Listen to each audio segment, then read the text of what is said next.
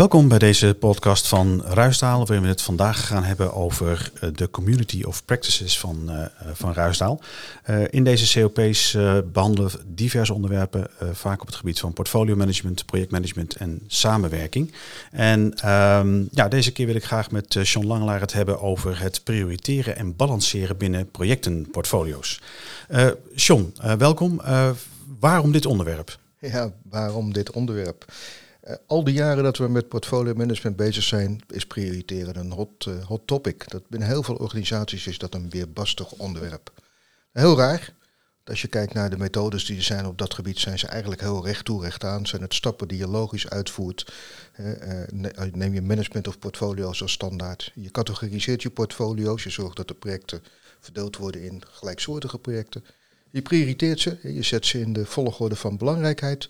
En je gaat vervolgens balanceren van nou, wat is nou realistisch. Wat we in de praktijk zien is dat die eerste twee stappen, dat lukt wel. We hebben het belang staan en dan moeten we daadwerkelijk gaan kiezen.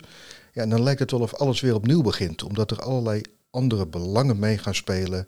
Eh, en daar eh, ja, mensen zich aangesproken voelen of vinden dat hun project toch belangrijker is. Of er zijn gewoon hele andere valide redenen. Maar ineens wordt het een heel diffuus proces. En eigenlijk wordt dat denken wij de komende tijd erger, omdat we zien dat door duurzaamheid het aantal criteria in de prioritering toe gaan nemen.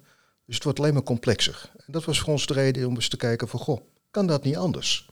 Oké, oké. Nou, dat het anders kan, uh, dat blijkt volgens mij wel uit jullie experiment. Want jullie hebben een experiment gedaan met vakanties in de COP. Kun je me daar iets meer over vertellen? ja, ja, wat wij, uh, wat wij uh, dat kwam, ik zat met mijn collega Maarten te praten en dan wat over, hoe, hoe doe je dit nou in hemelsnaam thuis? Als we nou, en we waren allebei bezig met het plannen van vakanties.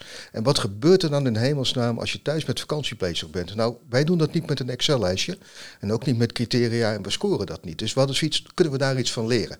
We hebben dus gedurende de COP met de deelnemers hebben eens uh, gekeken van goh, hoe zou je nou met deze groep mensen die elkaar nog niet kent, die elkaar eigenlijk voor het eerst daar zien, hoe zou je tot een gezamenlijke vakantie kunnen komen? En er was een aantal vragen gesteld van goh, waar wil je naartoe? Wat vind je belangrijk? Et cetera, et cetera. En het leuke was, ja, we zijn uiteindelijk met z'n allen op vakantie gegaan. Oké, oké, hartstikke leuk. En je had het net over uh, lessen. Welke lessen hebben jullie getrokken als groep uit, uh, uit deze COP? Ja, als je kijkt naar die, die, die, die lessen die je leert vanuit deze, die we leren vanuit deze COP en die we ook wel in onze praktijk al terugzien, is dat eigenlijk op twee gebieden. Dus de ene kant is eigenlijk, ja, laten we zeggen, de bovenstroomkant. En de andere kant heeft wat meer met de menselijke, de onderstroomkant te maken. En als je die bovenstroom kijkt, dan is het eigenlijk als je in je thuissituatie kijkt, ben je heel erg opgeleid met elkaar over wat je belangrijk vindt, waar je naartoe wil, wat je daarvoor nodig hebt, wat je daarvoor over hebt, is ook belangrijk. Dat mis je natuurlijk binnen organisaties. En dat betekent eigenlijk, en dat is misschien wel een hele bekende en een open deur, maar we zien hem niet in alle organisaties gebeuren. Ga nou eens echt met z'n allen uit van de strategie die je als organisatie hebt. Ga daar eens goed doorleven. Geef eens aan, hoe ziet dat er nou echt uit als we daar over een paar jaar staan? Wat vinden we daar belangrijk in? Welke roadmap gaan we daarvoor hanteren? En als je dat goed, goed uitwerkt, dan ga je zien dat ineens je heel gericht gaat zoeken naar de projecten die je uit voeren. En dat is heel anders als dat nu gebeurt. Nu gaan we de strategie zetten we heel hoog over neer. En dan krijgen we een hele uitgebreide verlanglijst.